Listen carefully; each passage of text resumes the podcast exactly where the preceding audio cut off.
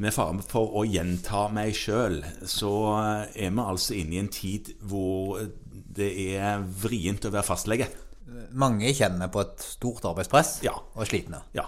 Og det som er litt grann eh, frustrerende når man står eh, oppi det og kjenner på det, det er det at eh, det virker som om en del, ganske mange faktisk, ikke helt forstår hvilken institusjon fastlegen er, og hva vi egentlig holder på med. Hva vi kan vise til for resultater. Ja. Ja, fordi nå er det jo sånn at alle vet at eh, legen eh, har som mandat å hjelpe folk til å bli den beste versjonen av seg sjøl, og bli bedre og friske og sånne ting.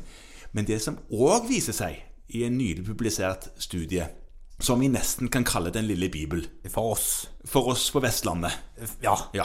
Ja. Eh, og spesielt oss på Vestlandet som er allmennleger. Ja, det var de jeg tenkte på, ja. Ja, de, at en relasjon over tid med fastlegen reduserer dødelighet. Ja, du har lest den artikkelen, ja. Den har jeg lest noen ganger. Ja, den Du leser den litt hver kveld, kanskje? Bare Ja. for å kjenne litt på motivasjonen.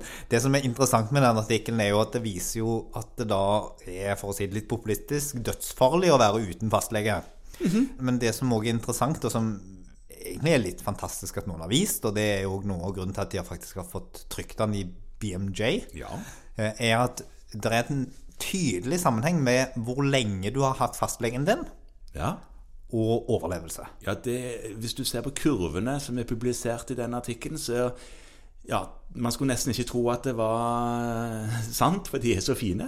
Ja. Det er ikke sånn man får til vanligvis når man forsker, kan jeg si. Så, Eh, så, og, og nå skal ikke dette være noen sånn allmenn oppfordring til aldri å bytte fastlege, for det, det kan det være gode grunner til. Men, Ja. men det som faktisk viser seg, er at de som har hatt en lege over lang tid, og da får man jo tro at det er fordi de synes det er fint å gå til den legen, ja. de lever lenger. De det. Eh, Og det, korrigert for alle andre faktorer, så ser det ut som det har betydning hvor Mm. lenge du har vært i et legepasientforhold med en fastlege. Og dette skal vi ta til oss som viktigheten av å ha kontinuitet i fastlegeordningen. Og se på at den ordningen er faktisk er noen ting som betyr noe for folkehelsen. Ja.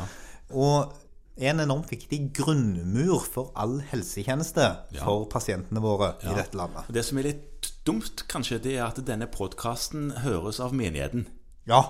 Vi burde få akkurat denne sendingen kanskje spredt til det ganske land, sånn at alle fikk hørt det. For ikke bare er det dødeligheten som reduseres, men også sykeligheten. Så man, er, man lever lenger og er friskere mens man lever. man har det generelt bedre hvis man har en fastlege som man har gått til lenge. Og da må vi iallfall få på plass sånn at alle innbyggere har mulighet til å velge seg en fastlege de har lyst til å gå til, og har en valgmulighet og kan bli hos den fastlegen over lang tid.